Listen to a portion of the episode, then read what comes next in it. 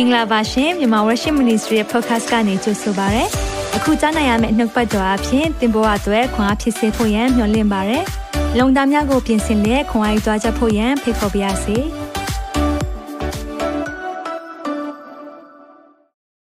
င်္ဂလာပါအားလုံးနေကောင်းကြပါသလား Good morning good afternoon good evening ပါလို့နှုတ်ဆက်တယ် Hallelujah မင်္ဂလာပါတန်ရှင်းသောဝိညာဉ်တော်လို့ comment ရေးပါအောင်ဘာကြောင့်လဲဒီနေ့တန်ရှင်းသောဝိညာဉ်တော်အကြောင်းပြောမှဖြစ်တယ်တန်ရှင်းသောဝိညာဉ်တော်ကိုကြိုဆိုရအောင်နေရာပေးရအောင်ဖိတ်ခေါ်ရအောင်အာမင်ဒီရသိလေးနဲ့တယ်ဒါကြောင့်တန်ရှင်းသောဝိညာဉ်တော်အကြောင်းကိုဒီနေ့မှာပြောရင်းနဲ့တန်ရှင်းသောဝိညာဉ်တော်ရဲ့ကူမခြင်းအကြောင်းလေးတွေကိုဒီနေ့လေ့လာသွားရအောင်အာ မင်အကြောင်းတစ်ချိန်တည်းမှာပဲကျွန်တော်တို့ဒီနေ့မှာဖခင်ရဲ့ဝိညာဉ်တော်ဖခင်ကျွန်တော်တို့ကိုသွန်သင်ပေးဖို့ရန်အတွက်လက်ဝင်နိုင်ခဏလောက်အနံ့ရအောင်တရှင်တော်ဖျားနာမတော်ကိုချီးမွမ်းပါ၏ကိုရောရဲ့ပို့ဆောင်ခြင်းလမ်းပြခြင်းအတွက်အထူးကျေးဇူးတင်တယ်ဒီနေ့မှလည်းကိုရောရဲ့လမ်းပြခြင်းအထူးလိုအပ်ကြောင်းဝန်ခံပါတယ်အကြောင်းတရှင်တော်ဝိညာဉ်တော်ဖျားကိုရောကိုကြိုဆိုတယ်နေရာပေးတယ်ဖိတ်ခေါ်တယ်တရားမှတရားပုံအပ်ပါတယ်ကိုရောဟာဟီးရိုးဖြစ်ပါတယ်ဒီနေ့တမန်တရားကိုအကျွင်းမဲ့သွန်သင်ပြသတော်သူဟာ ကိုရောဖြစ်ကြောင်းဝန်ခံပါ၏တန်ရှင်တော်ဝိညာဉ်တော်ဖျားကျွန်တော်တို့ကိုနားလဲစီပါ သခင်ယေရှုကိုပို၍တည်သွားဖို့အကြောင်းဖြစ်ပါစေတယောက်ချင်းစီတိုင်းရဲ့အသက်တာနဲ့နှလုံးသားကိုထုတ်ကောင်းချီးပေးပါရယ်ကိုယ့်ရဲ့အသက်တာမှာလိုအပ်နေတဲ့အရာအားလုံးကိုဝိညာဉ်တော်ဖခင်ကဒီအချိန်မှာဖွင့်ပြပါနားလည်စေပါသက်တာတွေအားလုံးကိုအနှံ့နဲ့စပစ္စည်းတွေမှာဆိုင်၍ line တွေအားလုံးမီအားလုံးကိုလည်းယေရှုနာမ၌ကောင်းချီးပေးတယ်အနောက်ရှက်ဖြစ်စေမဲ့ဝိညာဉ်ဆိုးရဲ့လုပ်ရအားလုံးကိုလည်းနာဇရက်မြတ်သားယေရှုနာမ၌ဖယ်ရှားပါ၏အလိုတော်သည်ကောင်းကင်ဘုံမှာပြည့်စုံတဲ့ကဲ့သို့ မြေကြီးပေါ်မှာပြည့်စုံပါစေယေရှုရဲ့မြတ်သောနာမ၌စက္ကန့်နဲ့ဆုတောင်းပါ၏အာမင်အာမင်အာမင်ဟုတ်ပြီဒီနေ့အာဒီနေ့ဘာကြောင့်ပြောမလဲဆိုရင်တော့တန်ရှင်သောဝိညာဉ်တော်ဖခင်ရဲ့အကူအညီတွေကျွန်တော်အများကြီးရတယ်အကူအညီတွေတစ်ခါလေကျွန်တော်သိချင်မှသိလိုက်မယ်သူကူညီပေးလိုက်တဲ့ဟာတွေအများကြီးရှိတယ်။သူကူညီပေးတဲ့အရာအများကြီးထဲကနေဒီနေ့၅ခုပြောသွားမယ်เนาะဆိုတော့နောက်ပိုင်းချိန်ရတယ်ဆိုရင်လည်းအများကြီး ဝိညာဉ်တော်ကူမတဲ့အရာတွေကအများကြီးရှိတယ်။ဒါပေမဲ့เนาะဒီဟာပဲမဟုတ်ပါဘူးเนาะအများကြီးရှိတယ်။ဒါကိုလည်းအရင်ဆုံးပြောပြချင်တယ်။ဘုရားဝိညာဉ်တော်ဘယ်လောက်ထိကူမသလဲ။လွန်ခဲ့တဲ့နှစ်နှစ်တုန်းကဒီအချိန်လေးပဲမေလကုန်ခါနီးပတ်လေးပဲတန်ရှင်သောဝိညာဉ်တော်ကကျွန်တော်ကိုစကားပြောတယ်ဝိညာဉ်တော်အကြောင်းကိုအသင်းတော်တွေကိုသင်ပေးပါအဲ့ဒီကနေကျွန်တော်တို့ရဲ့ ministry MWTV ပေါ့နော်ဒီရဲ့ television ဆိုရတဲ့ဒီ online သင်ကြားခြင်းကိုစတာဖြစ်တယ်ဒါတော့အခုမြင်တွေ့နေရတဲ့အရာတွေတိုးပွားတဲ့အရာတွေကျွန်တော်တို့ပတ်စင်ပတ်တိုင်းယုံကြည်သူတွေနှုတ်ကပတ်တော်ခံယူနိုင်တဲ့အရာအားလုံးကဘယ်ကနေဖြစ်ပွားလာတာလဲဆိုရင်တော့အဲ့ဒီသန့်ရှင်းသောဝိညာဉ်တော်ရဲ့မာစာခြင်းကနေဖြစ်ပွားလာတာဖြစ်တယ်။ဒါကြောင့်အာကျွန်တော်တို့ဒီနေ့မှာလည်းအဲ့ဒီတန်ရှင်သောဝိညာဉ်တော်ကကျွန်တော်တို့ကိုဘယ်လိုမျိုးအကူအညီပေးသလဲ ဒါကိုလေ့လာသွားရအောင်အာမင်အားလုံးစင်သစ်ဖြစ်ပြီလားဖြစ်ပြီတင်ပါတယ်เนาะဆိုတော့ now တပတ် Wednesday ပေါ့เนาะကျွန်တော်တို့လာမယ့်ဗုဒ္ဓဟူးနေ့ကြရင်နှစ်နှစ်ပြည့်အထိမ်းမှတ်လေးကျွန်တော်တို့ပြုလုပ်သွားမယ်တတိခန့်ချက်တွေပို့ထားပေးတဲ့အတွက်ယေရှုတင်နေ now surprise လေးရှိမယ် surprise တွေရှိမယ်ဒါလေးကိုလည်းပြောပြချင်တယ်ဆိုတော့ပြင်ဆင်ထားပါเนาะ surprise ရှိမယ်ဆိုရင်တော့တချို့တွေသဘောပေါက်တယ်ပြင်ဆင်ထားရအောင်เนาะ ဆိုတော့ဒီနေ့မှာကျွန်တော်ဗာကြောင်ပြောချင်လဲတန်ရှင်သောဝိညာဉ်တော်သင်ကိုပေးတဲ့အကူအညီများနော်အကူအညီအများကြီးရှိတယ်အဲကြောင့်ကျွန်တော်အစရတော့သင်ကိုအကူအညီပေးတဲ့အရာ10ခုဒါမှမဟုတ်9ခုလို့ခေါင်းစဉ်တက်မလားပေါ့နော်စဉ်းစားတယ်ဒါပေမဲ့အကူအညီကအများကြီးဖြစ်တဲ့အခါမှာကျွန်တော်တို့အကူအညီများလို့ပဲခေါင်းစဉ်တက်လိုက်တယ်ဒါကအပိုင်း၃ဖြစ်သွားပြီဆိုတော့တန်ရှင်သောဝိညာဉ်တော်နဲ့အတူရှောက်လန်းခြင်းဆိုတော့အတူရှောက်လန်းတာသိရေးကြည့်တယ် နော်ဆိုတော့တယောက်ယောက်ကကိုယ်ကို guide လုပ်ပေးနေတာတယောက်ယောက်ဘေးကနေသွန်သင်ပေးနေတာတယောက်ယောက်ကိုလမ်းပြနေတာမလိုအပ်ဘူးလားလိုအပ်တယ်ဒါကြောင့်ကျွန်တော်တို့ကနှုတ်ကပတ်တော်နဲ့ဒီနေ့လဲချိန်ထိုးရအောင်เนาะဒါကြောင့်ဝန်ခံနေကြအရာလေးဝန်ခံပေးပါအောင်ဒီနှစ်တော့နှုတ်ကပတ်တော်သည်အကျွန်ုပ်ခြေရှိမှမိခွက်ဖြစ်၍ကျွန်ုပ်လမ်းကြီးကိုလင်းစေပါ၏အာမင်ဒါကြောင့်နှုတ်ကပတ်တော်ဟာကျွန်တော်တို့ကိုဘာလုပ်ပေးလဲသွန်သင်ပြသလိမ့်မယ်အဲ့ဒီ နှုတ်ကပတ်တော်ထဲမှာတန်ရှင်သောဝိညာဉ်တော်ဟာကျွန်တော်တို့ကိုဘလို့မဆသလဲတင့်ကိုဘလို့ကူညီသလဲဒီနေ့ကျွန်တော်တို့အာနှုတ်ပတ်တော်နဲ့ချိန်ထိုးပြီးတော့လေ့လာသွားရအောင်ဆိုတော့ကျွန်တော်တို့အပိုင်း၃တောင်ရောက်လာပြီတန်ရှင်သောဝိညာဉ်တော်တင့်ကိုကူညီပေးတဲ့အရာတွေနော်ဆိုတော့အဲ့ဒီအရာလေးမပြောခင်မှာကျွန်တော်အဖွင့်နှုတ်ပတ်တော်လေးအရင်ဆုံးပြောပြခြင်းတယ်အဲ့ဒါကတော့ရှင်ယောဟန်ခရစ်ဝင်ကျမ်းအခန်းကြီး16အငယ်9ထဲမှာဖြစ်တယ်။ ငါအမှန်ဆိုဒီကအဲ့မှာခဏရက်လိုက်ရအောင်နော်ငါအမှန်ဆိုဒီကသခင်ယေရှုပြောတာဆိုတော့သခင်ယေရှုကလိန်ဘူးလားလိန်ဘူးလားအဲ့ဆိုသူပြောရတဲ့တချို့ဟာမှန်လိုက်တချို့ဟာမမှန်လိုက်အဲ့လိုလားမဟုတ်ဘူးဘယ်တော့မှမမှားဘူးသခင်ယေရှုပြောတဲ့စကားတွေဒါပေမဲ့ငါအမှန်အကန်ဆိုဒီကဒီစကလုံးလေးတင်ကျွန်တော်တို့အများကြီးသွန်သင်ပေးတယ် ဘာကိုပြောချင်တာလဲเนาะဥပမာကျွန်တော်တို့ကတခုခုတငယ်ချင်းတွေနဲ့သွားရဲဆိုရင်စကားတစ်ခုပြောလိုက်တယ်ဆိုပါစို့เนาะသူသဖြင့်အရေးကြီးတဲ့အရာလေးတစ်ခုပြောလိုက်တယ်ဆိုရင်အာမင်းကလည်းမနောက်ပါနဲ့ကွာဆိုရင်เนาะငါအတီးပြောတာเนาะငါတကယ်ပြောမယ်နော်ဟုတ်လားကျွန်တော်တို့လူသားတွေပြောတယ်ဒါပေမဲ့သခင်ကတခါမှအမှားပြောဘူးတာမဟုတ်ပါဘူးဒါပေမဲ့ငါအမှန်ကန်ဆိုဒီကားလို့ပိုင်အဲ့ဒီအရာကတိတ်လေးနဲ့တည်းတိတ်အရေးကြီးတယ်ဆိုတာကိုနားလည်ဖို့လိုတယ်ဒါဆိုရင်တော့ဒီချာလေးကျွန်တော်လေ့လာရအောင် ငါသွားရင်သူတို့အကျိုးရှိလိမ့်မည်သူပြောလိုက်တဲ့စကားတော့တပည့်တော်တွေနားထောင်နေတဲ့လူတွေနားထောင်ဟိုသူတို့ဘက်ကနေခဏလောက်ခန်းစားကြည့်အောင်ဆိုတော့သခင်ကအားလုံးစုခိုင်းပြီးတော့ပြောလိုက်တယ်ငါအတီပြောမယ်နော်ဆိုတော့သခင်တခါမှအတီမပြောနောက်တာပေါ့တခါမှမရှိဘူးအဲ့ဒီအချိန်မှာအမှန်ပြောမယ်နော်လို့ပြောတော့ဟာသူတို့တွေလည်းဟုတ်ပြီငါသွားရင်သူတို့အကျိုးရှိလိမ့်မယ်ငါသွားရင်အကျိုးရှိမယ်အဲ့ဒီအချိန်မှာဆိုရင်တပည့်တော်တွေ စဉ်းစားမိမှာပဲဟာဘလို့ဖြစ်တာလဲကိုရောသွားရင်ဘယ်အကျိုးဟာကိုရောသွားရင်ဘလို့ဖြစ်မလဲเนาะစဉ်းစားမိမှာပဲကျွန်တော်ဆိုမလုံးနဲ့လေကိုရောမသွားနဲ့လေကိုရောရှိတာကျွန်တော်တို့အရန်အကျိုးအများကြီးရှိတယ်เนาะဆိုတော့စဉ်းစားကြည့်အောင်เนาะတပည့်တော်တွေသခင်နဲ့သွားတော့ဘလောက်အကျိုးရှိလဲသူတို့ဝါရီမပူရအောင်စားဖို့သိမ့်မပူရအောင်ဘာကြောင့်လဲတကယ်ဘာမှမရှိဘာရှိလဲဘုံငါးလုံးနဲ့ငါးနှကောင်မရှိအေးယူလာယူလာအများကြီးပွားသွားတယ်ဟာသူတို့မြင်တယ်နော်ဟာ သခင်နဲ့အတူနေတဲ့ခါမှာနမိတ်လက္ခဏာလည်းမြင်ရတယ်လူတွေသူတို့သူတို့ကိုနော်နောက်မှအများကြီးလိုက်တဲ့ခါမှာလဲဟာသခင်ရဲ့တပည့်တွေဆိုတော့တားမျက်နှာသာရတာဗောနော်အဲ့လိုမျိုးအချိန်မှာနော်ယုံကြည်အကြီးပြောလိုက်တယ်ငါသွားရင်ပိုကောင်းတယ်နော်ဆိုတော့ဟာသူတို့စဉ်းစားကုန်ပြီဘာကြောင့်လဲအဲ့ဒီမှာအကြောင်းမူကဘာကြောင့်လဲဆိုတော့ငါမသွားလင် ငါမသွားဘူးဆိုရင်ဥပိစင်စရာဒီတင်တို့စီတို့မလားငါသွားလင်ထိုးသူကိုတင်တို့စီတို့ငါဆေလွတ်မိငါသွားမယ်နော်သွားရင်ပို့အကျိုးရှိလိမ့်မယ်အကျိုးရှိခြင်းကဘာလဲဆိုတော့အဲ့ဒီမှာဥပိစင်စရာလာမယ်ငါသွားရင်နောက်တစ်ယောက်လာမယ်နော်တဲ့ဆိုတော့အဲ့ဒီဥပစ္စင်စရာနော်ဥပစ္စင်စရာဥပစ္စင်စရာကျွန်တော်ပြောတဲ့ paracletos နော်ဆိုတော့ paracletos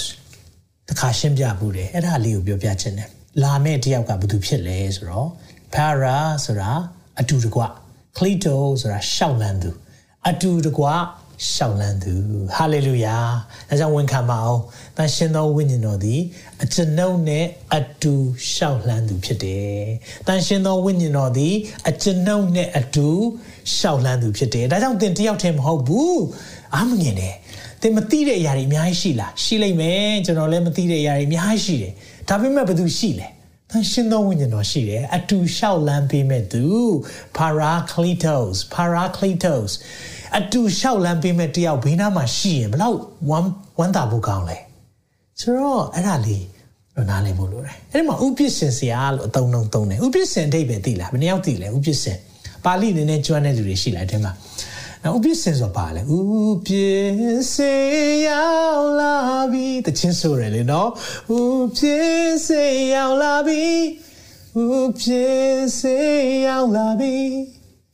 နော်တချို့လူငယ်တွေတော့သိမှာမဟုတ်เนาะကျွန်တော်ဒါတွေ hymn တွေနဲ့ကြီးလာတယ်เนาะဓမ္မချင်းကြီးတွေနဲ့ကြီးလာတယ်ဥပ္ပစ္စင်ဘာတူလဲဆိုတော့ဆိုတချင်းဆိုတယ်မသိဘူးလေเนาะဒါပေမဲ့ဥပ္ပစ္စင်ဆိုတဲ့အဓိပ္ပာယ်เนาะသိရင်ပြောပြပါအောင် comment ထဲမှာဥပ္ပစ္စင်ဆိုတာဘာပြောတာလဲ ဥပစ္စင်ဆိုတဲ့အဓိပ္ပာယ်ကဘာလဲဆိုတော့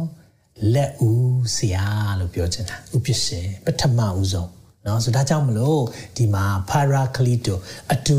ရှောက်လန်းပေးတဲ့သူအတူတကွတင်နဲ့သွားတာဟေးလမ်းလျှောက်တဲ့ချိန်မှာလက်ဦးဆရာတင်ပေးနေတာဘေးကနေလမ်းပြနေတာ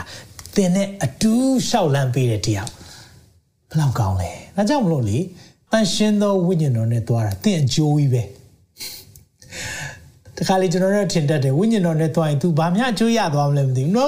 သင်အကျိုးပုံများတယ်သင်အကျိုးကြီးပဲတကယ်တော့လေအဲ့ဒါကိုတချို့ကမကြိုက်လိုက်သေးဘူးသရှင်သောဝိညာဉ်တော်မလိုဘူးဒီပိုင်းလှုပ်သေးတယ်မဟုတ်ဘူးသင်ကိုကူမပေးမယ်တရားကိုသင်ကိုလမ်းပြပေးမယ်တရားသင်နဲ့အတူလျှောက်လမ်းပေးမယ်တရားသင်ကိုလက်ဦးစရာကဲ့သို့နော်သင်ပေးမယ်တရားလက်ဦးစရာသိရေးကြီးရနော်ဘာကြောင့်လဲဆိုတော့မှားယွန်းဆိုတာသင်လိုက်တဲ့အခါမှာလေပြင်ရတာသိခက်တယ် နော်ဒါကြောင့်တကောက်ကြားဘူးပါတယ်နော်တရောထိုးတဲ့ဆရာကြီးကတပည့်၃ယောက်ရောက်လာတော့တယောက်ကတဲ့9နှစ်တီးပြီးသွားပြီတဲ့သူ့ကိုအများဆုံးယူတယ်တယောက်က3နှစ်တီးပြီးသူ့တော့နည်းနည်းပို့ပြီးတော့9 9နှစ်တမထက် short ယူတယ်တယောက်ဘာမှမတီးရသေးအဲ့တယောက်တော့ဈေးအပေါ်ဆုံးယူတယ်အဲ့နဲ့အကြာကြီးတီးပြီးတဲ့တယောက် complaint တက်တာပေါ့နော်ဇောတကတက်တယ်ဟာဘလို့ဖြစ်တာလဲကျွန်တော်9နှစ်တောင်ဒီအေးပြင်ပေးရအောင်မယ်တော်တော်လေးကိုဆိုတာအဲ့လိုဖြစ်နေခါလေကျွန်တော်တို့ဒီနှုတ်ကပတ်တော်သင်ယူတာပဲဖြစ်ဖြစ် เนาะကျွန်တော်တို့ရဲ့လက်ဦးဆရာသိရည်ကြည့်တယ်အဲ့ဒီလက်ဦးဆရာတခြားလို့မဖြစ်ရအောင်တရှင်သောဝိညာဉ်တော်ဖြစ်ရမယ်အာမင်ဒါလေးကိုနားလေစေခြင်းတယ်ဆိုတော့သခင်ယေရှုပြောလိုက်တဲ့သဘောပါလဲဆိုတော့နောက်တစ်ယောက်လာမယ်เนาะအဲ့ဒီမှာနှုတ်ကပတ်တော်ထဲမှာဗာပြောလဲဆိုတော့ယောဟန်14ငယ်16မှာခမဲတော်သည်တမာတရားကိုပြသောဝိညာဉ်တော်ပြောကြည့်ပါတမာတရားကိုပြသောဝိညာဉ်တော်နောက်တစ်ခေါက်လောက်တမာတရားကိုပြသောဝိညာဉ်တော်အဲ့ဝိညာဉ်တော်ကတမာတရားကိုပြလေးရှိတယ် နော်ဆိုတော့တပါသောတဲ့နောက်တစ်ခါပြောပါအောင်တပါသောနော်တပါသောတပါသောဥပ္ပစ္စင်စရာသင်တို့နဲ့အတူအစင်မပြတ်တည်နေခြင်းကသင်တို့အားပေးမယ်တဲ့ဆိုတော့ hey ငါသွားမယ်နော်နောက်တစ်ယောက်လွှတ်မယ်နော်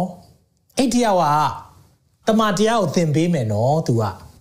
တပါသောနော်ဆိုတော့တခြားတရားဆိုတဲ့အဓိပ္ပာယ် another ဒါပေမဲ့အဲ့ဒီ another ရဲ့အဓိပ္ပာယ်ကဘာလဲဆိုတော့အမျိုးအစားတူတဲ့တရားလို့ပြောတာ နော်ဆိုတော့နော်ဥမာ iPhone ဆိုရင်နောက်ဖုန်းတစ်လုံးပေးပါအောင်လို့ပြောရင် Samsung လည်းဖြစ်နိုင်တယ်ဒါပေမဲ့ဒီမှာသုံးတဲ့အသုံးလုံးတစ်ပါးတော့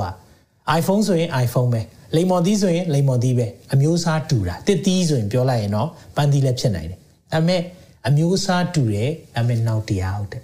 အဲကြောင့်ဒီနေ့နားလဲစေချင်တယ်နော်တန်ရှင်သောဝိညာဉ်တော်ဟာသခင်ယေရှုကဲ့သို့ပဲသို့တော်သခင်ယေရှုမဟုတ်ဘူးနော်နောက်တရား အမြဲတမ်းတန်ရှင်သောဝိညာဉ်တော်အကြောင်းပြောရင်အာဟုတ်တယ်လေတန်ရှင်သောဝိညာဉ်တော်ကယေရှုပဲလေတဲ့နော်ခမဲရောတာရောတန်ရှင်သောဝိညာဉ်တော်သုံးပါးတစ်လုံးတစ်ဝက်မတူဘူးတယောက်နဲ့တယောက်မတူဘူးခမဲတော်နဲ့တာတော်မတူဘူးတာတော်နဲ့ဝိညာဉ်တော်လည်းမတူဘူးနော်ဆိုတော့သူတို့ဟာသုံးပါးဖြစ်တယ်ဆိုတာသိဖို့လိုတယ်ဒါကြောင့်နောက်တစ်ယောက်ကိုလွတ်မယ်လို့ဘာလို့ပြောမှာလဲအေးခဏလေးကခမဲတော်စီသွားပြီးပြန်လာခဲ့မယ်ပြောမှာဗောဒီတစ်ယောက်ပဲဆိုရင်အဲ့လိုမပြောဘူး နောက်တစ်ယောက်ကလွှတ်ပေးမယ်เนาะဒါလေးကိုနားလဲစေချင်တယ်ဒါကြောင့်မလို့တမန်တရားကိုအကျွမ်းမဲ့ပြတဲ့တရားသခင်ကလွှတ်ပေးမယ်ဆိုတော့မကောင်းလားကျွန်တော်တို့အတွက်ကောင်းတာပေါ့ဒါပေမဲ့အမြဲတမ်းလူတွေအဲ့ဒီဥပစ္စင်ဆိုတဲ့အရာလေးကိုနည်းနည်းလေးရှုပ်ထွေးမှုရှိတာဒီနေ့အဲ့ဒါလေးကိုအရင်ဆုံးရှင်းပေးခြင်းတယ်เนาะဆိုတော့အဲ့မှာဒီနှုတ်ကပတ်တော်နဲ့လာလာပြီးတော့ပြောတတ်တယ်နော်မာသဲ23အငယ်8ကနေပါပြောလဲဆိုတော့တင်တို့မူကအရှင်ဖျားကိုခေါ်ဝင်ခြင်းကိုမခံကြနဲ့ဘာလို့ဆိုတာကျန်တဲ့ပုဂ္ဂိုလ်တွေဖာရီရှဲတွေက တစ်ချိန်လုံး rabbi လို့ခေါ်တဲ့အရာเนาะအရှင်ဖျား lord master เนาะသခင်လို့ခေါ်ရင်အရင်ကြိုက်တယ်သူတို့တွေလူလူချင်းပေါ့အဲ့ဒီဟာကိုသူပြောတာသခင်ယေရှုကကျန်တဲ့ပုဂ္ဂိုလ်တွေကိုပြောတဲ့စကားတင်းတို့မူကအရှင်ဖျားကိုခေါ်ဝခြင်းမခံကြနဲ့ခရစ်တော်တီးဟူသောတင်းတို့ဥပစ္စင်စရာတပါးတည်းရှိ၏ဆိုဆရာမတွေ့ဘူးလားဟိုမှာယေရှုခရစ်တော်လေဥပစ္စင်စရာဆိုတာယေရှုခရစ်တော်မဟုတ်ဘူးလား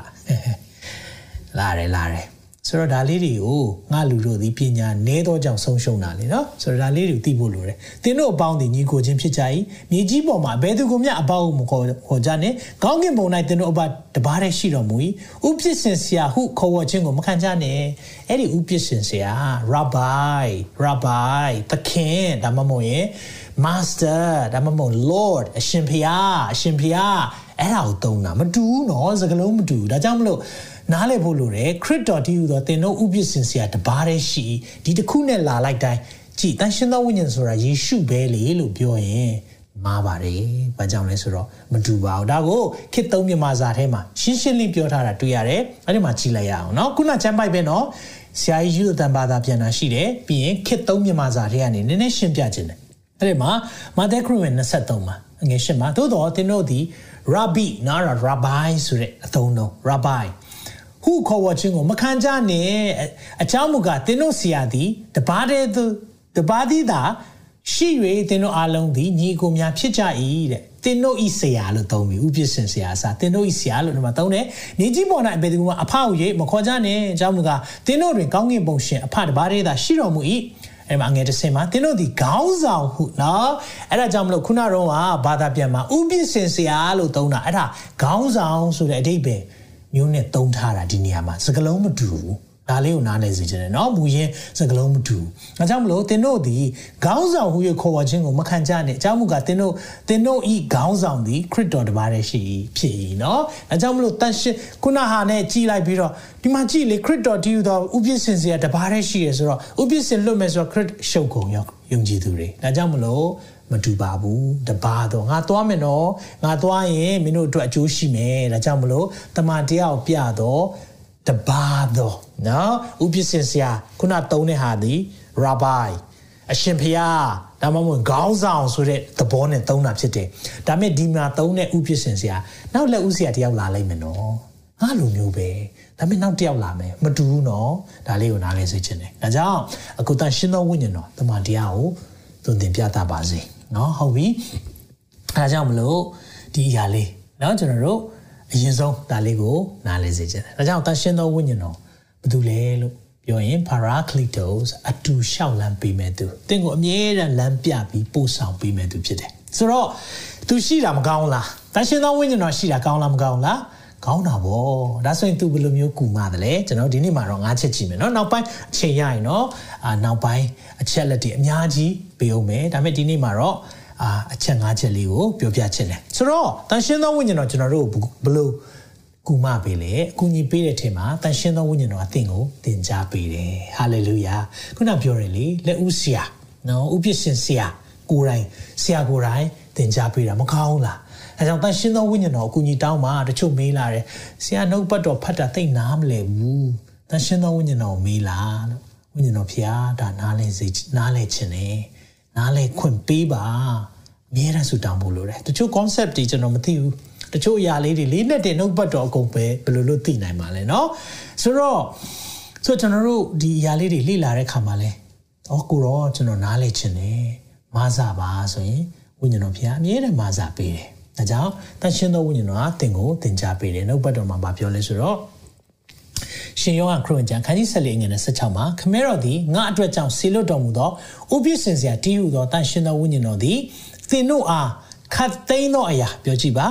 ခတ်သိမ်းသောအရာတို့ကို ပြသသွန်သင်တော်မူ၍ငါပြောခဲ့သမျှသောစကားတို့ကိုမှတ်မိသောဉာဏ်ကိုသင်တို့အား ပေးတော်မူမည်။ဒါကြောင့်လေနှုတ်ပတ်တော်ရေးတဲ့အခါမှာသူတို့ဘာတွေဘာတွေမှတ်မိတယ်လဲ။နော်သူတို့တွေတော်တော်လေးအဖြစ်အပျက်တွေအားလုံးကိုမှတ်တမ်းတင်နိုင်တယ်။ဘာကြောင့်လဲ။ဝိညာဉ်တော်ကသူတို့ကိုလေအဲ့ဒီမှတ်ဉာဏ်ပေးတာသင်ပေးတာ။ဒါကြောင့်မလို့မှတ်မိတဲ့အခွင့်ကိုကျွန်တော်တို့သိဖို့လိုတယ်။ဒါပေမဲ့သူတို့အရင်တော့ကြားထားဖို့လိုတယ်။နော်သခင်ယေရှုပြောတဲ့စကားတွေကိုမှတ်မိရတဲ့အခွင့်ပေးပါ။တခါကဆ iam မတယောက်တက်တည်ခန္ဓာလေးဟာတာလေးလေးဖြစ်တာပေါ့နော်။အဲ့ဒီမှာ ဆံမွေးခန်းတဲ့သူရောက်သွားတော့တဲ့ဝိညာဉ်တော်ဖျားတဲ့အဲသူကူမပါပေါ့နော်မှတ်မိဖို့မဆပါလို့ပြောတော့ဝိညာဉ်တော်သူ့စကားပြောတယ်မှတ်မိဖို့ဘာမှမထည့်ထားဘူးတဲ့ဆိုတော့ဘာမှစာမကြက်ထားပဲနဲ့မှတ်မိဖို့အခွင့်ပေးပါနော်ဘာမှမကြက်ထားဘူးတဲ့လို့ပြောတဲ့အခါမှာနော် bring back to memory ဆိုတာ memory ပေါ်ပေးပါဆိုတော့ပေါ်လို့မရဘူးဖြစ်တယ် အဲကြောင့်ယုံကြည်သူတွေကအဲ့လိုမျိုးဖြစ်တတ်တယ်เนาะတစ်ခါလေးမှာကျွန်တော်တို့မှတ်မိတယ်လို့ပြောတဲ့ခါမှာတမန်တရားကိုเนาะကျွန်တော်တို့သင်ကြားဖို့လိုတယ်လေ့လာဖို့လိုတယ်ဖတ်ဖို့လိုတယ်အဲ့ဒီအချိန်ကြာမှเนาะဒါကြောင့်မလို့ကြက်မှတ်ဖို့လိုတယ်ဒါကြောင့်ဆရာမနဲ့အာလိုက်ကျင့်နေကြတဲ့သူတွေဖျားရှင်ထူးကောင်းကြီးပေးပါစေအဲ့ဒီအရာလေးတွေကိုတကယ်လိုအပ်တဲ့ချိန်မှာအသုံးဝင်လာလိမ့်မယ်အာမင်အားလေးကိုလည်းနားလည်စေချင်ဒါကြောင့်မလို့နံပါတ်1ချက်ကတန်ရှင်းသောဝိညာဉ်တော်သင်ကိုသင်ကြားပေးတယ်ဒေးဗစ်ကေအောင်ဘယ်သူသင်ပေးလဲဝိညာဉ်တော်သင်ပေးတယ်ဝိညာဉ်တော်သင်ပေးတဲ့အခါမှာတချို့အရာတွေ မှတ်မိလာတယ်တချို့အရာတွေပို့ပြီးနားလည်လာတယ်သင်ပေးစရာတွေရှိသေးလားအများကြီးရှိသေးတယ်เนาะဒါကိုနားလည်စေချင်တယ်နံပါတ်1ချက်တန်ရှင်းသောဝိညာဉ်တော် the holy spirit guides us ဝိညာဉ်တော်အသင်ကိုလမ်းပြပေးတယ်သင်နာနဲ့လမ်းပြတာနှမျိုးရှိရเนาะသင်ပေးတဲ့အရာကြတော့ဒီလိုလေးလုပ်ရမယ်ဆိုတာရှိတယ်လမ်းပြတာကြတော့ guide လုပ်ပေးတယ်ဆိုတဲ့သဘောက ကူပြီးမလုပ်ပေးဘူးဘေးကနေကြည့်ပြီးတော့လိုအပ်တဲ့အရာပဲပြောပေးတဲ့အရာမျိုးเนาะဆိုတော့နံပါတ်1ချက်ကသင်ကိုလမ်းပြပေးတယ်ပြောကြည့်ပါကျွန်ုပ်ကိုတန်ရှင်းသောဝိညာဉ်တော်ဖျားလမ်းပြပေးတယ်လို့ဝန်ခံပါအောင်ဟာလေလုယာကျွန်ုပ်ကိုတန်ရှင်းသောဝိညာဉ်တော်ဖျားလမ်းပြပေးတယ်ဆိုတော့ဘယ်လိုလမ်းပြလဲအဲ့ဒီမှာယောဟန်ခရစ်ဝင် ကျမ်းအခန်းကြီး16အထက်မှာပြောထားပါတယ်ငယ်7နှစ်မှာသင်တို့အားငါပြောစရာစကားအများရှိတော်လဲသင်တို့ဒီယခုမခံနိုင်ကြဟောဒီဘဲတော်တွေကိုသင်ပေးစရာအများကြီးရှိတယ်ပြောလို့မရအောင်ကျွန်တော်တို့ပြောလို့မရဘူးလို့ပြောတဲ့ခါမှာမပြောချင်တာမဟုတ်ဘဲနဲ့ကျွန်တော်လက်ခံနိုင်တဲ့အတိုင်းတာ ready မဖြစ်သေးဘူးเนาะတချို့ message တွေကျွန်တော်ဟောချင်တာရှိတယ် မြန်မာ worship မှာ ready မဖြစ်ကြသေးတာအများကြီးရှိတယ်။ဒါကြောင့်မလို့တချို့ message တွေမဟောသေးဘူးเนาะနည်းနည်းနည်းနည်းရဖြစ်တဲ့ခါမှာ အငင်းပွားစရာတွေတခါလေမှာကျွန်တော်တို့ရှုပ်ထွေးစရာတွေပိုဖြစ်မဲ့အရာတွေဆိုရင်ဘုရားဝိညာဉ်တော်ခွင့်မပြုတာတွေအများကြီးရှိတယ်။ဆိုတော့ချုံနီးလကောင်အဲ့မှာပြောတယ်လေငါပြောစရာအများကြီးရှိတယ်အများကြီးရှိတယ်နော်ဒါပေမဲ့နင်တို့ခံနိုင်မှာမဟုတ်ဘူးတဲ့အဲ့မှာအငယ်73မှာတမန်တရားနဲ့ပြည့်စုံသောထိုဝိညာဉ်တော်သည်ရောက်လာတော့ကဟာလေလုယာဘာနဲ့ပြည့်လဲတမန်တရားနဲ့ပြည့်တယ်ဒါကြောင့်ဝိညာဉ်တော်နဲ့သွားတဲ့သူတမန်တရားပြည့်တဲ့ဝိညာဉ်တော်နဲ့သွားတဲ့သူဝိညာဉ်တော်တမန်တရားကိုပေးမှာပေါ့သင်ပေးမှာပေါ့ အဲ့ဒီမှာတမန်တရားကိုသင်တော့အကျွင်းမဲ့တုံသင်ပြလိမ့်မည်ဟာလေလုယာအကျွင်းမဲ့အကုန်လုံးသင်ပေးမယ်ငါသင်ပေးနိုင်တာတွေအများကြီးရှိသေးတယ်မင်းတို့မ ready သေးဘူးဒါပေမဲ့အဲ့ဝိညာဉ်တော်ကလေအများကြီးအကျွမ်းမဲ့သင်ပေးလိုက်မယ်နော်သခင်ရှုပြောတာထိုညင်တော်ဒီကိုလူလျောက်ဟောပြောသည်မဟုတ်ကြားသမျှတို့ကိုဟောပြောလိုက်မည်နော်ဆိုတော့သခင်ယေရှုစီကနေကြားတဲ့အရာဖခင်ရဲ့ခမဲတော်စီကကြားတဲ့အရာအဲ့ဒီအရာတွေကို ပြောပြလိုက်မယ်တဲ့အဲ့ဒါပဲလားအဲဒီဒီတစ်ချက်လေးသိတဲ့သဘောကျတယ်။နောင်လာလက်တက်သောအရာတို့ကိုလည်းသင်တော့အဖော်ပြမယ်။ဘာဖြစ်မလဲရှေ့မှာဘာဖြစ်မလဲသိချင်လား။သိကျင်တာဗောเนาะသိကျင်လားလို့မင်းတချို့ stock လုပ်တဲ့လူတွေဆရာဘာဝယ်ရမလဲတဲ့နှုတ်ပတ်တော့အကုန်နားထောင်လို့ပြောထားတယ်ဆိုတော့နောက်တန်ကြီးပိုးရွမဖြက်စီးနိုင်တဲ့ကောင်းကင်ဘန္နာစုပါလို့ပြောတယ်เนาะဆိုတော့အဲကြောင့်မလို့တန်ကြီးပိုးရွဖြက်စီးနိုင်တဲ့ဟာတွေပဲလိုက်ရှာနေကြတယ်ဆိုတော့ဒီနေ့ တဲ့ဖခင်ကကျွန်တော်တို့ကိုနောင်လာလက်တက်တဲ့အရာတွေနောက်ဆိုဘာဖြစ်မလဲဒါကြောင့် prophecy update တွေဘယ်သူသင်ပေးလဲရှင်တော်ဝိညာဉ်တော်နောက်မှဖြစ်မဲ့အရာတွေတမန်ကျမ်းစာထဲမှာရေးထားပြီးပြီဒါပေမဲ့ဆရာတိုင်းမပြောဘူးဘာကြောင့်လဲဝိညာဉ်တော်ဖွင့်ပြမှာပဲနားလည်နိုင်တဲ့အရာလေးတွေရှိတယ်ဒါကြောင့်ကျွန်တော်နားလည်ဖို့လိုတယ်ဝိညာဉ်တော်ကျွန်တော်တို့ကိုတမန်တရားကိုအကျွမ်းမဲ့တွင်တင်ပြသသလိုဘာပြောလဲနောင်လာလက်တက်သောအရာတို့ကိုလည်းဖော်ပြမယ်ဒါကြောင့်မလို့ နော်ရှေ့မှာဖြစ်မဲ့အရာလေးတွေနိုင်ငံအတွက်ပဲဖြစ်ဖြစ်ကျွန်တော်တို့ကိုခန္ဓာနော်ကိုယ့်ရဲ့ personal ပြောပြောချင်တာပါ personal ကိုကြီးကိုတာကိစ္စတွေကအစဝိညာဉ်တော်နဲ့အတူရှောက်လန်းနေသူတွေကြိုသိတယ်ဘုရားပြောတဲ့အရာတွေအများကြီးရှိတယ်တခါလေ warning လေးတွေပေးတယ်နော်ဒါဖြစ်တော့မယ်နော်နောက်မှဖြစ်တော့မယ်ဆူတောင်းပါနော်ကျွန်တော်တခါတည်ခံဖို့တွေဆူတောင်းပါနော်ထဆူတောင်းပါဆိုတော့ကျွန်တော်ဘာအတွက်ဆူတောင်းမှမသိဘူးခြားသောဘာသာစကားနဲ့ဆူတောင်းတယ်အဲ့ဒီအချိန်မှာကျွန်တော်တနာရီလောက်ကိုဆူတောင်းတယ် ဘာအတွက်တောင်းနေမှန်းကိုမသိဘူးရောစိတ်ထဲမှာဆူတောင်းခြင်းစိတ်အရန်ဖြစ်တာပဲသိတယ်ဒါပေမဲ့ဘာမှနားမလဲဒါပေမဲ့အဲ့ဒီဆူတောင်းချက်ကနောင်လာလက်တက်တဲ့အရာမှာဘာဖြစ်မလဲဆိုတဲ့အရာအတွက်ဖះကြိုတင်ဆူတောင်းခိုင်းတာရှိတယ်ပြီးကြရင်ဒီကြောင်ခြေတော်ပြောပြမယ်ဆိုတော့ဘာလုပ်ပေးလဲဆိုတော့ဝိညာဉ်တော်ကျွန်တော်တို့ guide လုပ်ပေးတယ်သွန်သင်ပြတာတာเนาะ guide ပေးတယ်เนาะသင်လဲသင်ပေးတယ် guide လဲလုပ်ပေးတယ်ဆိုတော့နားမလည်တာရှိရင်ပြန်ရှင်းပြတာနားမလည်တာရှိရင်ပြန်ပြီးတော့ သွန်သင်ပေးတာဒါကြောင့်သရှင်သောဝိညာဉ်တော်ကကျွန်တော်တို့ကိုတမန်တရားကိုလည်းအကျွမ်းမဲ့ပြမယ်နောက်တစ်ခုကနောင်ဖြစ်မယ်ရာเนาะဆိုတော့ကိုယ့်ရဲ့ဘဝရှိရင်းနဲ့ပတ်သက်ပြီးဘယ်နှယောက်သိချင်ကြလဲเนาะရှိမှာဘာဖြစ်မလဲဘာဘယ်နှယောက်သိချင်လဲเนาะဆိုတော့ဘယ်သူ့ကိုမေးလို့ရလဲသရှင်သောဝိညာဉ်တော်ဖျားကိုမေးလို့ရတယ်ဝိညာဉ်တော်ဖျားဒီအလုပ်ကိုလုပ်ရမလားဒီเจ้าဒီ course ကိုတက်ရမလားဒီတယောက်နဲ့သွားရမလားဖျားမြဲတယ်ပေါ်ပြတယ် ကျွန်တော်ဆိုတော့ warning လာတယ်ဒီတယောက်သတိထားနော်ဒီတယောက်သတိထားနော်မြဲတဲ့ဖခင်ကျွန်တော်တို့သွန်သင်ပေးတယ်နော်ဆိုတော့ကျွန်တော်နှလုံးသားနာကျင်မဲ့အရာတွေမရှိအောင်ဖခင်ကြိုပြီးပြောတယ်ဒါပေမဲ့ဖခင်ဖခင်ကြိုတင်ပြီး guide လုပ်တဲ့အရာကိုလစ်လူရှုလိုက်မယ်ဆိုရင်တော့နာကျင်မှုတွေနဲ့ကြုံရတတ်တယ်ဒါကိုလည်းနားလဲစေချင်တယ်နော်ဟုတ်ပြီဆိုတော့အဲ့ဒီမှာပြောတဲ့အရာထဲမှာ warning တခုပေးတယ်လူကာစနစ်ထဲမှာဆိုရင် guide လုပ်တဲ့အခါမှာဘာပြောလဲဆိုတော့သ င်တို့ကိုတရားစီရင်တို့၎င်းအကဲမှုမင်းများရှိတို့၎င်းပို့ဆောင်ကြတော့ကအဘယ်သို့ပြန်ပြောရမလဲမစိုးရင်ကြနဲ့အမှုဆွဲမယ်နော်ယုံကြည်သူတွေတရားဆွဲခံရတယ်နော်ဆိုတော့ဖះနဲ့တွားရင်အကုန်လုံးအဆင်ပြေမယ်ဆိုတော့ဟောကြားချက်တွေတွေ့တော့ဒီနောက်ဘက်တော့အကျုံးဝင်တယ်လို့ဖြစ်သွားတယ်နော်ဘာပြောလဲဆိုတော့ဖះနဲ့မှန်တဲ့လူနော်တွားတဲ့ဟာ လောကမှာနေတဲ့ခါမှာဆင်းရဲဒုက္ခကြုံရပါတယ်เนาะဒီလိုမျိုးကြုံရတဲ့ခါမှာ persecution ဆိုတဲ့နှိပ်စက်ညှင်းဆဲခြင်းတွေလာတယ်ဆိုရင်ဘာပြောရမလဲဆိုတာမစိုးရိမ်နဲ့တဲ့အကြောင်းမူကဘာကြောင့်လဲဆိုတော့ထိုခဏချင်းတွေအဘယ်သို့ပြောရမည်ကိုတန်ရှင်းသောဝိညာဉ်တော်သည်အကြံပေးတယ် guide လုပ်ပေးတာ hallelujah counsel ပေးတာအကြံပေးလိုက်မယ်နော်ဒါကြောင့်ကျွန်တော်တို့ဆွေးရင်စရာမလိုဘူးဟာငါတို့ဒီလိုပြောလိုက်ရင်ကောင်းမယ်ဒီလို no ဖ ဖခင်ဝိညာဉ်တော်ကကျွန်တော်တို့ကိုအကြံပေးလိုက်မယ်အဲ့ဒီမှာတိတိကျကျကိုကျွန်တော်တို့ကိုပြောပြလိုက်မယ်အဲကြောင့်မလို့တရားစည်းရက်တွေအကဲမှုဆိုတာမင်းများရှိเนาะကျွန်တော်တို့တရားဆွဲခံရတဲ့အချိန်တွေရောက်လာခဲ့ရင်เนาะမကြုံဖို့လဲဆူတောင်းမယ်ကြုံလာခဲ့ရင်ရောမစိုးရင်လည်းဝိညာဉ်တော်အဲ့ဒီအချိန်မှာခဏချင်းမှာအကြံပေးလိုက်မယ်ဟာမယ်ဒါကြောင့် guide လုပ်ပေးလိုက်မယ်ဘုရားကျွန်တော်တို့ကိုအမြဲတမ်း အတူရှောက်လန်းတော်သူဒါကြောင့်တန်ရှင်သောဝိညာဉ်တော်ရှိထားပါ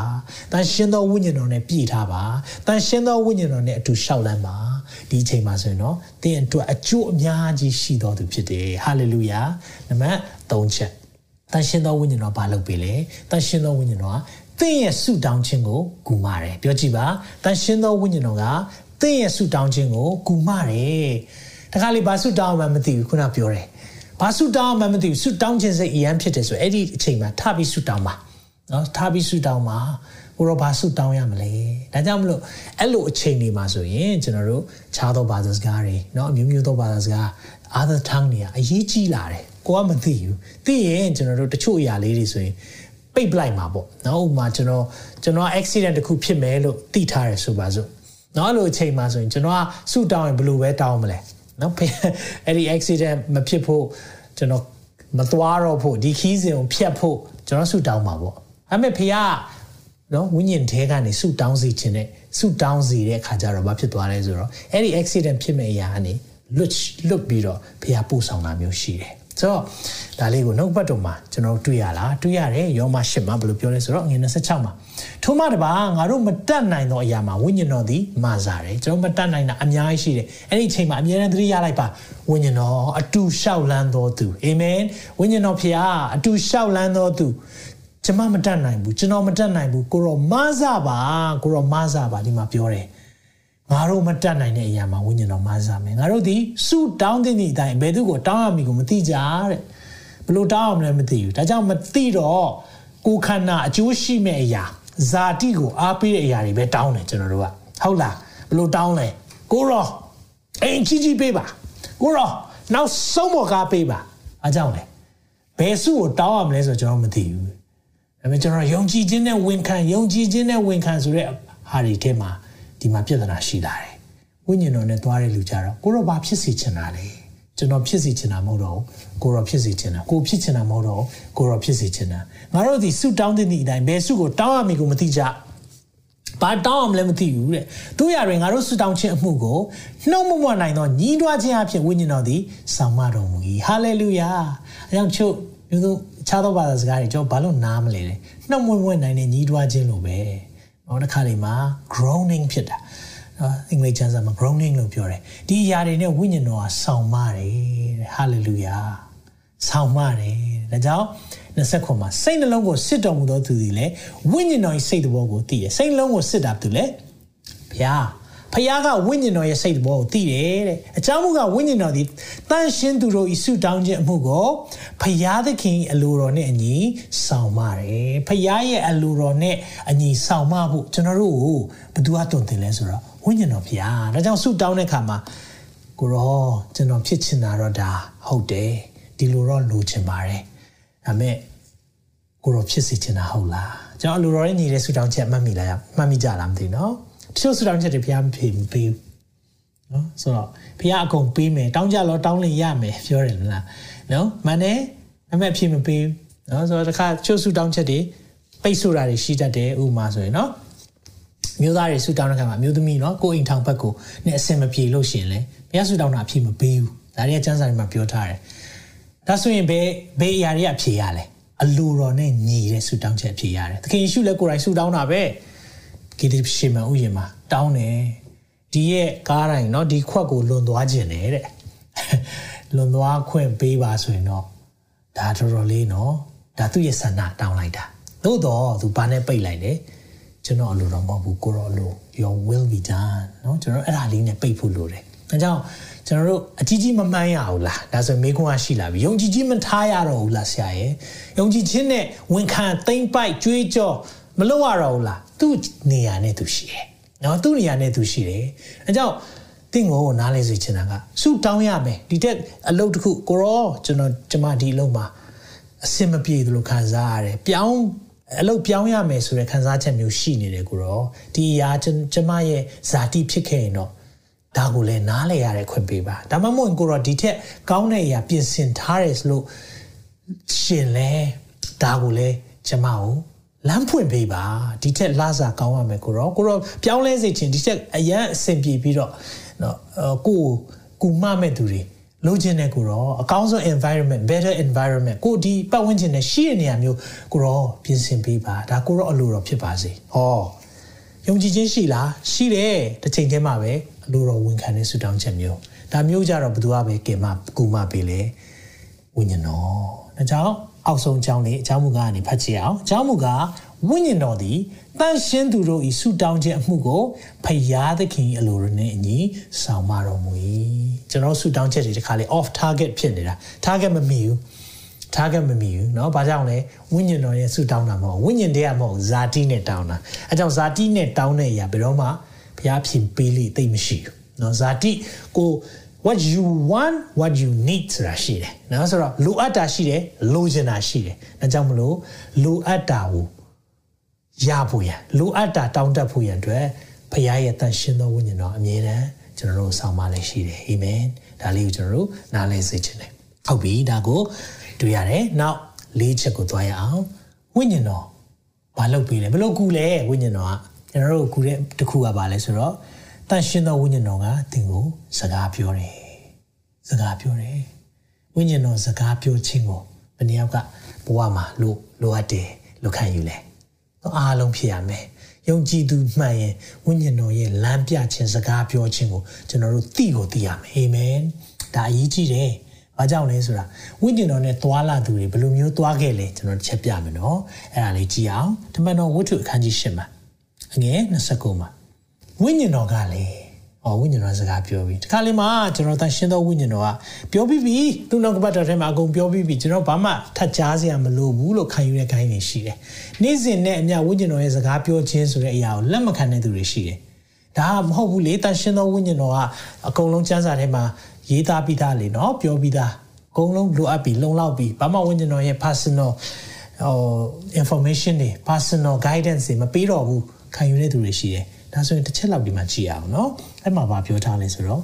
ထိုဝိညာဉ်တော်ကလည်းထိုယထာတို့ချင်းကပ်ယူမိဝဲလောအဲ့ဒီယထာကိုကတ်လိုက်ပါတဲ့ဘသူကပြောတာလဲဝိညာဉ်တော်ပြောတာဘသူကိုပြောတာလဲဖိလစ်ကိုနော်ဖိလစ်ကိုပြောတယ်အဲ့ဒီယထာကိုကတ်လိုက်တဲ့ဆိုတော့ဒါ personal မဆန်ဘူးလား personal guidance မဆန်ဘူးလားဆန္ဒပေါ့ဒီဒီရဲ့ယထာကိုကတ်လိုက်တော့တဲ့ထပ်ပြောတယ် အဲ့မှာယထာကိုတော့လဲပြေးပြီးကလိုက်တယ်အဲ့မှာ prophet Heshaya ကျမ်းစာဖတ်တီကိုကြားလင်တဲ့ Heshaya နာဂတိကျမ်းကြီးဖတ်နေတာဘယ်သူဖတ်နေလဲဆိုတော့ Ethiopia ဆိုတာ Ethiopia အမတ်ကနော် Ethiopia ဝန်ကြီးတယောက်ကဖတ်နေတာဒါပေမဲ့သူနားမလည်နိုင်နားလေသလားလို့မေးခိုင်းတယ်မေးလိုက်တော့ထိုအမတ်ကလည်းသွန်သင်ပဲ့ပြင်တော်သူမရှိလဲအဘယ်သို့နားလဲနိုင်မည်နီ သင်ပေးမဲ့သူရှိရင်ဘယ်လိုနားလည်နိုင်မှာလဲအဲ့ဒီမှာဖိလိပ္ပုကရှင်းပြတယ်ဒါကသခင်ယေရှုကိုယဉ်ညွန်းတယ်ဒါကအကုန်လုံးရှင်းပြလိုက်တဲ့ခါမှာတစ်ချိန်တည်းမှာပဲနှစ်ချင်းမှာပေးလိုက်တာเนาะယဉ်နှစ်ချင်းပေးပါဆိုတော့အမှသူတို့မျက်နှာရောက်တဲ့ခါမှာယဉ်နှစ်ချင်းပေးပေးလဲပေးရောပြန်ပေါ်လာတဲ့ချိန်မှာဝိညာဉ်တော်အမသွားဖိလိပ္ပျောက်သွားရုတ်တရက်အဲ့ဒီအက်သီယိုပီအမတ်ကြီးစဉ်းစားကြည့်အောင်เนาะသူလဲစဉ်းစားတယ်သူလဲနှုတ်ကပတ်တော်ဒါနာလဲကျင်တယ်ဖတ်ကြည့်တယ်နားမလဲဘူး နားမလဲတော့သူလည်းဆူတောင်းမှာပေါ့ကိုရောကျွန်တော်နားလဲခွင့်ပေးပါအဲ့ဒီအချိန်မှာတစ်ချိန်တည်းမှာပဲဝိညာဉ်တော်ကဖိလစ်ကိုလည်းစကားပြောတယ်သွားပါအဲ့ယထာနာချင်းကလိုက်သူသွားလိုက်တယ်နော်အဲ့ရှေ့ပိုင်းမှာကြည့်တဲ့ခါမှာကောင်းကင်တမန်ပြောတာလည်းသူကြားတယ်နော်ဆိုတော့ကောင်းကင်တမန်အသံတန်ရှင်သောဝိညာဉ်တော်အသံခွဲခြားပြီးသိတယ်ဘာကြောင့်လဲဝိညာဉ်တော်နဲ့ယဉ်နီးလာရင်ဝိညာဉ်တော်အသံကိုကောင်းကောင်းသိတယ်ဒါဝိညာဉ်တော်ပြောတာဒါတော့ငါဇာတိယပြောတာမျိုးမျိုးရှိရနော်ဝိညာဉ်တော်ဖျားပြောခိုင်းတဲ့အရာပဲပြောဖို့လိုတယ်ဘာကြောင့်လဲ ဖះပြောခိုင်းရင်ဖះတာဝန်ယူတယ်ကိုဟာကိုပြောရင်ကိုဟာကိုတာဝန်ယူရတယ်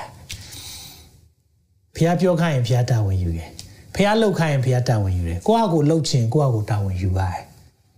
အကြောင်းတာယုံကြည်သူတွေကိုရှင်းရှင်းလေးပဲနောက်နှစ်ပိုင်းပဲရှိတယ်ဖះလှုပ်ခိုင်းတဲ့အရာကိုလှုပ်ပါဖះလှုပ်ခိုင်းတာလှုပ်ရင်ဖះတာဝန်ယူတယ်ကိုလှုပ်ချင်တာလှုပ်ရင်ဖះတစ်ခါလေးခွင့်ပြုလားခွင့်ပြုတယ်ဒါပေမဲ့ကိုတာဝန်ယူရတဲ့ချိန်အများကြီးရှိတယ်အဲ့ဒီမှာကြည့်တဲ့အခါမှာ ဝ ဝိညာဉ်တော်စကားပြောတယ်ဝိညာဉ်တော်စကားပြောတယ်ဆိုဒီနေ့ရောပြောသေးလားပြောတာပေါ့ကျမ်းစာထဲမှာရှိလားရှိတာပေါ့ဒီနေ့ဗျာဒိတ်အချိန်မှာခုနှစ်ကြိမ်တောင်ပြောတဲ့အရာလေးပြောပြမယ်နော်ဗျာဒိတ်နော်အားလုံးကျွန်တော်မပြောတော့ဘူးဗျာဒိတ်ခုဗျာဒိတ်ကျမ်းအခန်းကြီး1နဲ့အခန်းကြီး3မှာခုနှစ်ခေါက်အသင်းတော်ခုနှစ်ပါးကိုပြောတဲ့အရာလေးရှိတယ်ဝိညာဉ်တော်ဒီတူတူဖတ်ကြည့်အောင်ဝိညာဉ်တော်ဒီအသင်းတော်တို့အားအဘယ်သို့မိန့်တော်မူသည်ကိုနားရှိတော်သူမိဒီကကြားပါစေတဲ့เนาะဆိုတော့အဲ့မှာပြောပြီး ဝိညာဉ်တော်ဘလို့ပြောလဲဆိုတာအသင်းတော်တွေကိုပြောတယ်တဲ့အသင်းတော်တိုင်းကိုဒါအသင်းတော်ခုနှစ်ခုပဲပြောမဟုတ်ဘူးဒါကစံနှုံးအနေနဲ့ချပြီးပြောပြတာဒါကကျွန်တော်တို့ကိုတာရကအနေနဲ့ထားပြီးပြောတာဒါကြောင့်တန်ရှင်းသောဝိညာဉ်တော်ဘလို့ပြောသလဲအသင်းတော်ကြားတတ်လားအသင်းအသင်းတော်မှာတန်ရှင်းသောဝိညာဉ်တော်အတန်ကြားတဲ့ကြားတဲ့ဆရာတွေဥဆောင်နေလားဒါမှမဟုတ်ဇာတိနဲ့သွားနေကြလားဒါသိရေးကြည့်တယ်နော်ဒီမိခွန်းနေကိုကိုယ်တိုင်ရောဝိညာဉ်တော်ရဲ့အတန်ကိုကြားတတ်ပြီလားဒီလိုမျိုးသွားလာတဲ့အရာတွေ ရှိတယ်မကြားတတ်တဲ့ခါမှာအေးဖက်တင်းတော်ဆိုလဲအာသူ့ရဲ့လှုပ်ဆောင်မှုတွေတိတ်ကောင်းတယ်ဒါပေမဲ့သူတို့မိသွားတာရှေးဦးမြတ်တာဖះကိုစချစ်ခဲ့တော့မြတ်တာတခါလေကျွန်တော်ဒီဒီဟာယုံကြည်သူတွေကိုမြင်ရတယ် အာအရင်တော့ဆိုအရန်ကိုကျန်းစာဖတ်ခြင်းနဲ့ခရစ်တော်ကြောင့်ပြောခြင်းနဲ့နော်ကားစမောင်းတတ်တဲ့လူတွေဆိုဒါဒါသဘောကျတယ်ဘယ်သွားခြင်းလဲခဏခဏလာမင်းလိုက်ပို့ခြင်းသူကမောင်းခြင်းတာလေဆိုတော့ဘယ်သွားမလဲဘယ်သွားမလဲခဏခဏလာပြောမသွားဘူးသွားစရာသွားစရာမရှိဘူးလားချိန်လုံးလာပြောတယ်ဘာလို့ဆိုတော့ तू ကမောင်းမောင်းပြီးပို့ခြင်းတာအရန်ကျွမ်းသွားရင်အဲ့ဒါခေါ်လို့မရတော့ဟဲ့ငါ့ကိုပို့ပါအောင်ဆိုမလာတော့ရှေးဦးမြစ်တာလေအဲ့ဒါပဲ ခရစ်တော်စချစ်တဲ့အချိန်ခရစ်တော်နဲ့စသိတဲ့အချိန်ခရစ်တော်အကြောင်းသိတဲ့အချိန်ဆိုအမလေးအယမ်းချစ်တယ်ဝိညာဉ်တော်အကြောင်းကျွန်တော်စသိတဲ့အချိန်နဲ့ဒီနေ့ကုကူအားမရတာအများကြီးရှိတယ်ဒီလိုပြောနေတဲ့အချိန်မှာပဲဝိညာဉ်တော်ကရှေးဦးမြတ်တာပထမအောင်ဆုံးဝိညာဉ်တော်နဲ့တည်ကျွမ်းတဲ့2015မှာတကယ်ကိုဟိုယူသွနေတဲ့လူလိုပဲဝိညာဉ်တော်ကိုအယမ်းရှာဖွေတယ်အယမ်းဆူတောင်းတယ်အယမ်းချမ်းသာဖတ်တယ်ဒီအချိန်လေးတွေကိုဝိညာဉ်တော်ကကျွန်တော်ပြန်ပြီးမှတ်ရစေတယ်အဲ့ဒါကိုပြောတာ ဝိညာဉ်တော်စကားပြောတာပြောတာပေါ့ပြောတာပေါ့ clearly he speak clearly စကားပြောတယ်အသင်းတော်တွေကိုပြောတဲ့အရာတွေနားရှိတော်သူမိဒီကကြားပါစေနော်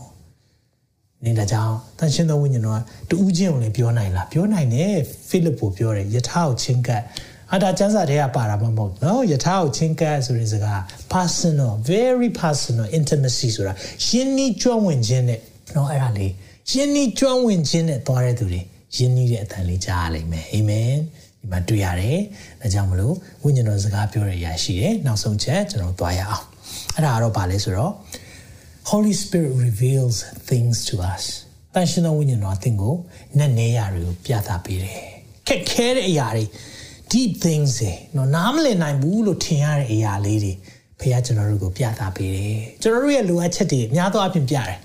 နော်စကားတွေကျွန်တော်နားမလည်ကိုကိုကိုဘယ်သူမှမသိဘူး ဒါပေမဲ့ဝိညာဉ်တော်နဲ့ယဉ်ဤကျွမ်းဝင်ပြီးဝိညာဉ်တော်မဆတဲ့ခါမှာနင်ဒါလေးပြင်ဖို့လိုတယ်နော်။အင်ဒီနေရာလေးမှာအချိန်ပေးတာများလွန်းတယ်နော်။နင်ဒီနေရာဘုရားဝိညာဉ်တော်ကကိုယ်အရင်ပြင်လိမ့်ရှိပါတယ်။နောက်ဒါကြောင့်မလို့ဝိညာဉ်တော်ကကျွန်တော်တို့နည်းနည်းရတယ်နှုတ်ပတ်တော်အပြင်သွန်သင်လိုက်မယ်။အဲ့လိုပြသတဲ့အခါမှာဒီနေ့သင်ကိုသိချစ်လို့ဖြစ်တယ်။သင်ကိုယေရှုနဲ့ပို့ပြီးတူသွားအောင်သူကကူညီချင်တာအတူတကွာရှောက်လန်းသူအတူရှောက်လန်းပြီးကိုသင်ပေးတာ။ နေ့တိုင်းကိုသင်ပေးဒါကြောင့်ကျွန်တော်တို့ကတန်ရှင်းသောဝိညာဉ်တော်ရဲ့ဗိမာန်တော်အထဲမှာကိုရှိပြီးတော့သွန်သင်တာကြောင့်ကျွန်တော်မိကွန်းကသင်အဲ့ဒီဝိညာဉ်တော်နဲ့အတူရှောက်လန်းသလားသိရကြည့်ရမိကွန်းနော်ငါဒီတန်ရှင်းသောဝိညာဉ်တော်နဲ့အတူနေ့တိုင်းရှောက်လန်းသလားအဲ့ဒီရှောက်လန်းတဲ့သူဆိုရင်တော့ဘာတွေလိုအပ်တယ်လဲဖခင်ကတစ်ချင်းတစ်ခုချင်းတစ်ခုတစ်စင့်ချင်းတစ်စင့်ဖော်ပြလိုက်မယ်အာမင်ဒီမှာဆိုရင်နှုတ်ပတ်တော်ဒီမှာဗာပြောလဲ ကောရိန္သုဩရာစာပထမဆုံးခန်းကြီး2ငွေ30မှာဒီလိုပြောတယ်ဒါတမန်တော်တွေ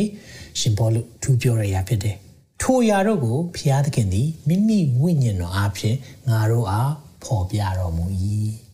တချို့အရာတွေဝိညာဉ်တော်ဖော်ပြမှသိရတယ်အဲ့ဒီဝိညာဉ်တော်ကဘာလို့လဲဝိညာဉ်တော်ဒီဖျားသခင်နဲ့နဲသောအရာတိုင်အောင်ခတ်သိမ်းသောအရာတို့ကိုစစ်တော်မူ၏ deep things ဖျားအထဲဖျားစိတ်တောင်တည်တဲ့ဝိညာဉ်တော်အဲ့ဒီဝိညာဉ်တော်ငါတို့ပြောပြတာ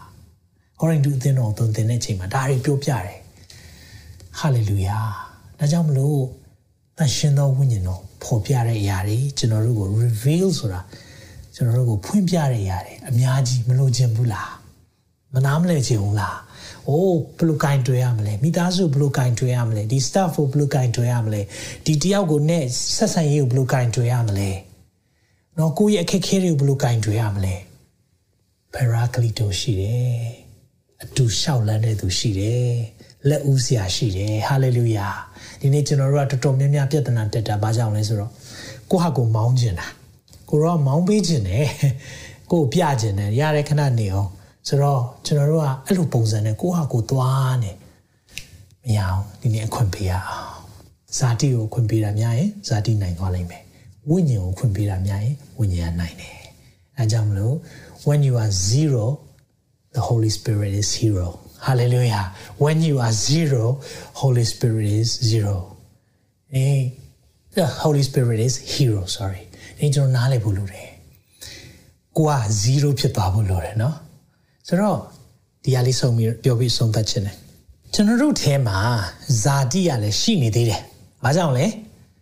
ဇာတိအသွေးသားနဲ့အသက်ရှင်နေသူနော်မရှိဘူးလို့မပြောနဲ့ရှိတယ် เนาะမရှိဘူးလို့ပြောချင်တာကိုဇာတိဖြစ်နေ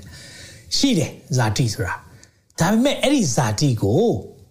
ဒီကျွန်တော်အသွေးသားနဲ့ဇာတိပြည့်နေတဲ့အရာကိုဘယ်လိုမျိုးနေ့တိုင်းမှာသွားမလဲဝိညာဉ်တော်ကလည်းရှိတယ်ဇာတိကလည်းရှိတယ်အဲ့ဒီနှစ်ခုအဲမှာကျွန်တော်အလုပ်လုပ်တာเนาะဒီမှာတစ်ချက်လေးပြောပြချင်တယ်ရေဘူးလေးကိုကြည့်မြင်အောင်ကြည့်ရအောင်เนาะရေဘူးထဲမှာကျွန်တော်တို့က တစ်ခုခုထည့်ခြင်းတယ်နော်ဆိုတော့ဇာတိကရေဘူးထဲမှာ100ပြည့်တယ်ဒီမှာဇာတိဆိုပါစို့ဇာတိက100ပြည့်တယ်အဲ့ဒီအချိန်မှာဝိညာဉ်ကနေရာဖြည့်လို့ကိုမရအောင်ဖြည့်လို့ကိုမရအောင်အဲ့ဒီဇာတိပြည့်တဲ့အထဲမှာကျွန်တော်တို့ကကိုယ့်ရဲ့ဇာတိကိုလှုပ်ခြင်းတဲ့အရာတွေတအားများနေတာအဲ့လိုဖြစ်နေတဲ့၍ဝိညာဉ်တော်အလုပ်လုပ်လို့မရအောင်အဲ့နဲ့ဒီလိုနှုတ်ပတ်တော်တွေကြားလိုက်ဟာငါဇာတိနည်းနည်းများနေပြီရှော့လိုက်မယ်တဲ့ 90ရာခိုင်နှုန်းလောက်ရှော့လိုက်တယ်နော်ဆိုတော့90ရာခိုင်နှုန်းလောက်ရှော့လိုက်မယ်နော်ကျွန်တော်ရေဘူးထဲမှာဟောရေကပြည့်နေတော့ကျွန်တော်ဒီထဲမှာဘာမှထည့်လို့မရတော့ဟုတ်လားဘလို့ထည့်မလဲမလေးနည်းနည်းလေးလွတ်နေဒီနားလေးမှာအဲ့ဒီနေရာလေးတော့ထည့်လို့ရမယ်ဒါပေမဲ့ဒါကဇာတိလို့ဆိုပါစို့ပြည့်နေသည်ဘာမှထည့်လို့မရဘူးထဲမှာဒါဆိုရင်ကျွန်တော်တို့ကโอเคနှုတ်ပတ်တော်တွေကြားတဲ့ခါမှာဒီဟာ short ရမယ်ဒီ ကျွန်တော်အမြဲတမ်းမေးတတ်တဲ့မိခွန်းတစ်ခုရှိတယ်တန်ရှင်းသောဝိညာဉ်တော်နဲ့ပြည့်ကျင်လားလို့မေးတဲ့ခါမှာပြည့်ကျင်တယ်ဒါဆိုရင်ဝိညာဉ်တော်နဲ့ပြည့်ကျင်ဘာလုပ်ရလဲအဲ့ဒီဇာတိပဲရတယ်ဒီဇာတိပြည့်နေသည်ဝိညာဉ်တော်နေရာမရအောင်ဒါဆိုရင်နော်ဆိုတော့တဝက်ထုတ်လိုက်ပြီတဝက်ထုတ်လိုက်ပြီလုံးဝအဲဆိုဝိညာဉ်တော်ကတဝက်နေရာရသွားတယ်ဇာတိကတော့ရှိနေသေးပဲဝိညာဉ်တော်အလုံးလုံးချင်းမတွေ့ရအောင် ။ဟာဘလို့ဖြစ်တာလဲ။ဝိညာဉ်တော်ကနေရာရနေပြီလေ။အင်းအင်းအလုံးမလုံးသေးဘူး။အဲ့နဲ့ okay ဒါဆိုငါနည်းနည်းဇာတိလျှော့ရမယ်။ကဲဇာတိကို20လောက်ပဲထားရမယ်။ဝိညာဉ်တော်80လောက်နေရာရသွားပြီ။အာဝိညာဉ်တော်80လောက်နေရာရသွားပြီ။ဇာတိက20။အာတချို့ရတယ်ဝိညာဉ်တော်အလုံးမလုံး။ဒါဆိုတော့လျှော့ရမှာပေါ့။ okay 95လောက်ဝိညာဉ်တော်နေရာပေးလိုက်မယ်900ခိုင်နှုန်းလေးပဲ။ အမေကိုရောငါဒီလဝါကားတိုင်းမှာခရစ်တော်နဲ့သူသေပြီသို့တော်လည်းရှင်သေးထို့သောဆိုတော်ငါဒီကိုယ်တိုင်မရှင်ခရစ်တော်ဒီငါ၌ရှင်တယ်ဆိုတော့လုံးဝမကြံတော့ဘူးကိုရောကျွန်တော်ဘာမှမတတ်နိုင်တော့ဘူးကျမ0ပါဆိုပြီးဇာတိကို0ချတဲ့အချိန်မှာဝိညာဉ်တော်တရားဖြစ်သွားတယ်အဲ့ဒီတရားဖြစ်မှဝိညာဉ်တော်လှုပ်လှုပ်တယ်ဟာလေလုယာဒီဟာလေးနားလဲပါနော် အဲကြောင့်တချို့ချို့ဝိညာဉ်တော်50ဖြစ်လိုက်ဇာတိက50ဖြစ်လိုက်ပြောချင်တာတွေပြောတခါလေးမှန်လိုက်တခါလေးမမှန်လိုက်တွေ့လားဆိုဝိညာဉ်တော်ပေါ်ပြသူဝိညာဉ်တော်ပေါ်ပြလားသူဇာတိပြောတာလားတခါလေးတောက်ဖြစ်စရာလေးတွေရှိလာတယ်ဘာလို့လဲဆိုတခါလေးလည်းဟုတ်တယ်လို့လို့တခါလေးလည်း no မရဘူးဖဲပါရှင်းတာပါဝိညာဉ်တော်အလုံးလုံးတောင်မြင်ခြင်းတယ်ဆိုရင်ကျွန်တော်ရှင်းတာဖို့လိုတယ်ကျွန်တော်ဇာတိတွေပြည့်တတ်တယ်ဝိညာဉ်တော်ဖျားနဲ့ပြည့်ဖို့ရန်အတွက်အ ထူးပဲဒီနေ့မှာအားလုံးကိုပြောပြခြင်းတယ်။ဒါကြောင့်ဒီနေ့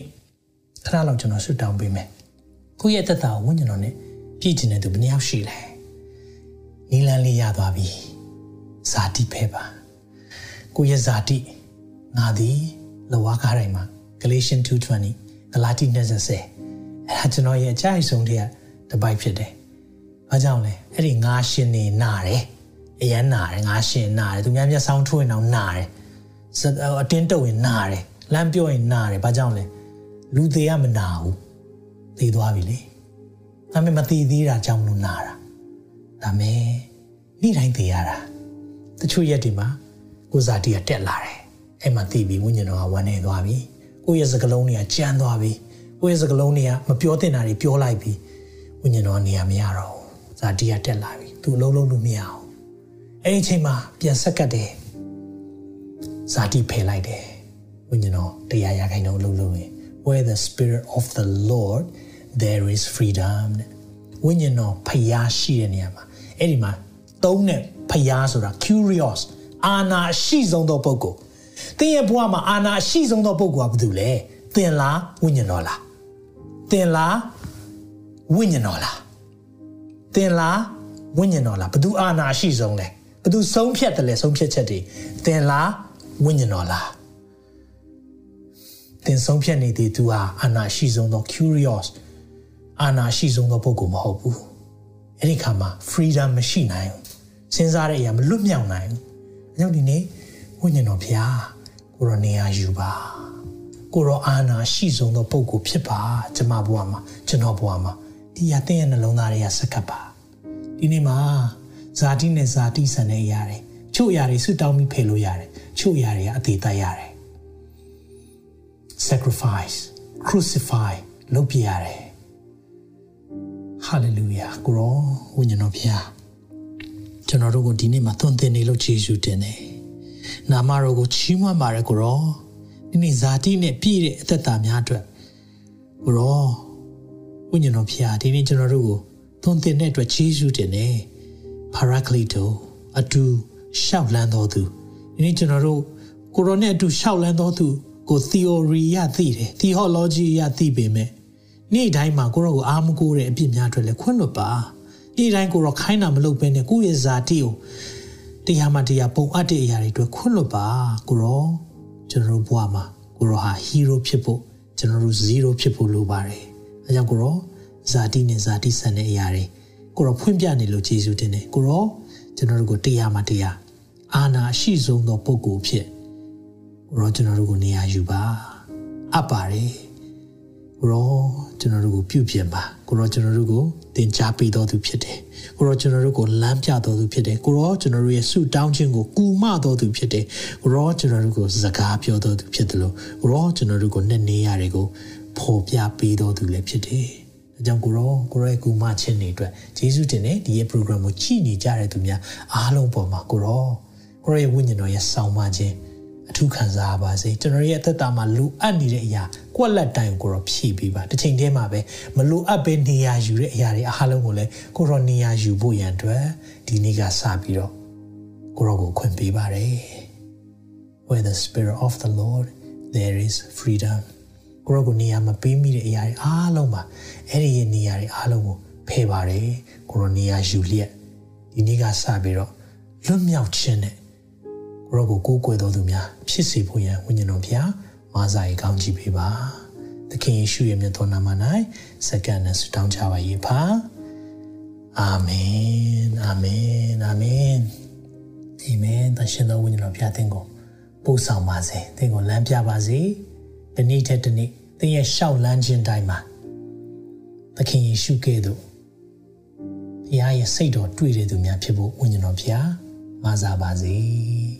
အာမင်ထာဝရဘုရားသည်သင်ကိုကောင်းချီးပေး၍ဆောင်မတော်မူပါစေသောထာဝရဘုရားသည်သင်၌မျက်နာတော်အလင်းကိုလွှတ်၍ယူနာကျေးဇူးပြုတော်မူပါစေသောထာဝရဘုရားသည်သင်ကိုမျှော်ကြည့်၍ချမ်းသာပေးတော်မူပါစေသော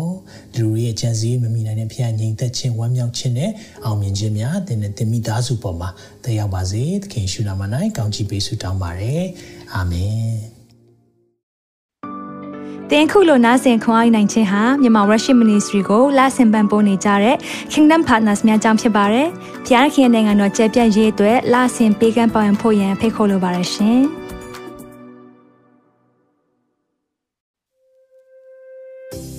အခုကြားနာခဲ့ရတဲ့နှုတ်ပတ်တော်အဖြစ်ခွန်အားရရှိမဲ့လို့ယုံကြည်မျှော်လင့်ပါတယ်။ခွန်အားရဆိုလို့ရှိရင်ဒီတစ်ပတ်နဲ့ပြန်လည်ဝင်မြပေးဖို့ရန်တောင်းဆိုပါရစေ။ Myanmar Worship Ministry ရဲ့ website myanmarworship.com ကိုလည်းလာရောက်လေ့လာဖို့ရန်အတွက်ဖိတ်ခေါ်ချင်ပါတယ်။တချိန်ထဲမှာ Myanmar Worship Ministry ရဲ့ social media platform များဖြစ်တဲ့ Myanmar Worship YouTube Channel, Myanmar Worship Facebook Page နဲ့ Myanmar Worship Instagram များကိုလည်းလာရောက်လေ့လာဖို့ရန်အတွက်ဖိတ်ခေါ်ချင်ပါတယ်။နောက်တစ်ကြိမ်မှာပြန်လည်ဆုံတွေ့ကြပါစို့ဖျားရှင်ကောင်းကြီးပေးပါစေ။